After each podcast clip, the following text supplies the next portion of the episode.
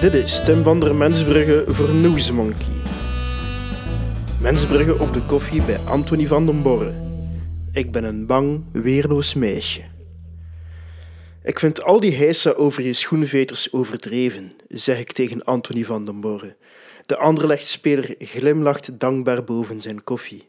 Een voetballer moet niet uitblinken in fijngevoeligheid, maar in techniek, snelheid, kracht en loopvermogen, zeg ik hem. Jullie mogen grof en onrespectvol zijn, zolang jullie maar scoren. Sentimenten zijn een gebrek voor voetballisten. Enigszins tot mijn verbazing verdwijnt de glimlach weer van het bepaarde gelaat van de Brusselaar. Maar het klopt niet dat ik een nonchalante klaploper ben die zich nergens iets van aantrekt, pruilt Van den Borre. Die commentaar kwetst mij. Anthony, ik versta je, zeg ik. Je bent even talentvol als kwetsbaar. Een goede jongen, vertelt men mij. Je bent heus geen sukkelaar. Doe maar je verhaal, ik luister. Ik had pijn aan mijn voet toen ik mijn schoenveters losknoopte, zegt hij. Daarvoor krijg ik nu allerlei smeerlapperijen naar mijn hoofd. Daar schrik ik van. Je speelt vaak de vrolijke Frans, maar eigenlijk heb je een klein hartje, vraag ik. Van den Borre knikt. Wanneer de pers weer op mijn kap zit, ben ik een bang, weerloos meisje, zegt hij.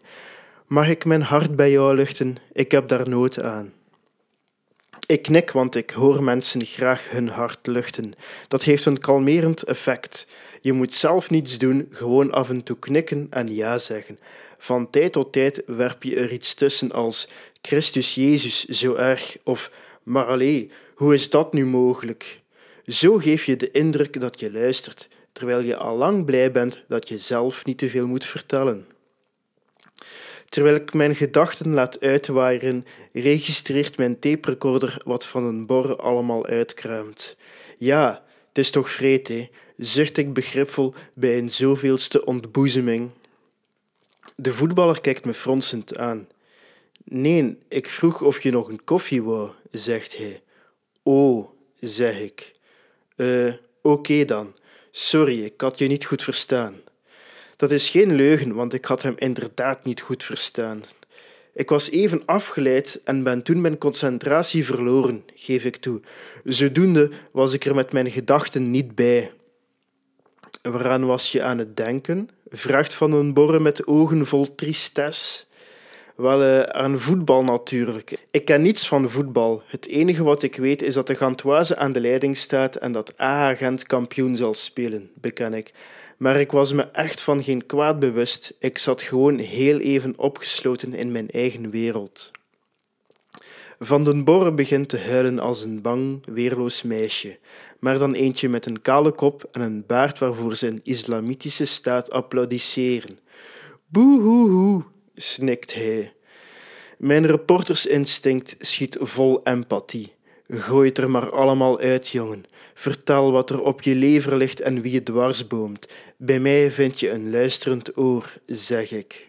Zijn verdriet is echter woordeloos. De voetballer plooit zijn baard omhoog en probeert zijn gejank te smoren. Ik laat lompweg mijn chocolaatje op de grond vallen en buk me om het op te rapen. Kop op, ouwe reus, doe ik nog een poging tot meelevendheid, maar mijn empathische krachten lijken uitgeput. Er komt geen eind aan de tranen van Van den Borre. Als reporter heb ik vele gaven en talenten, maar vandaag is zo'n dag dat ik vooral word geconfronteerd met mijn gebreken. Al kan ik met fierheid vaststellen dat ik de schoenveters van Anthony van den Borre met grote kunde heb vastgeknoopt aan de tafelpoot.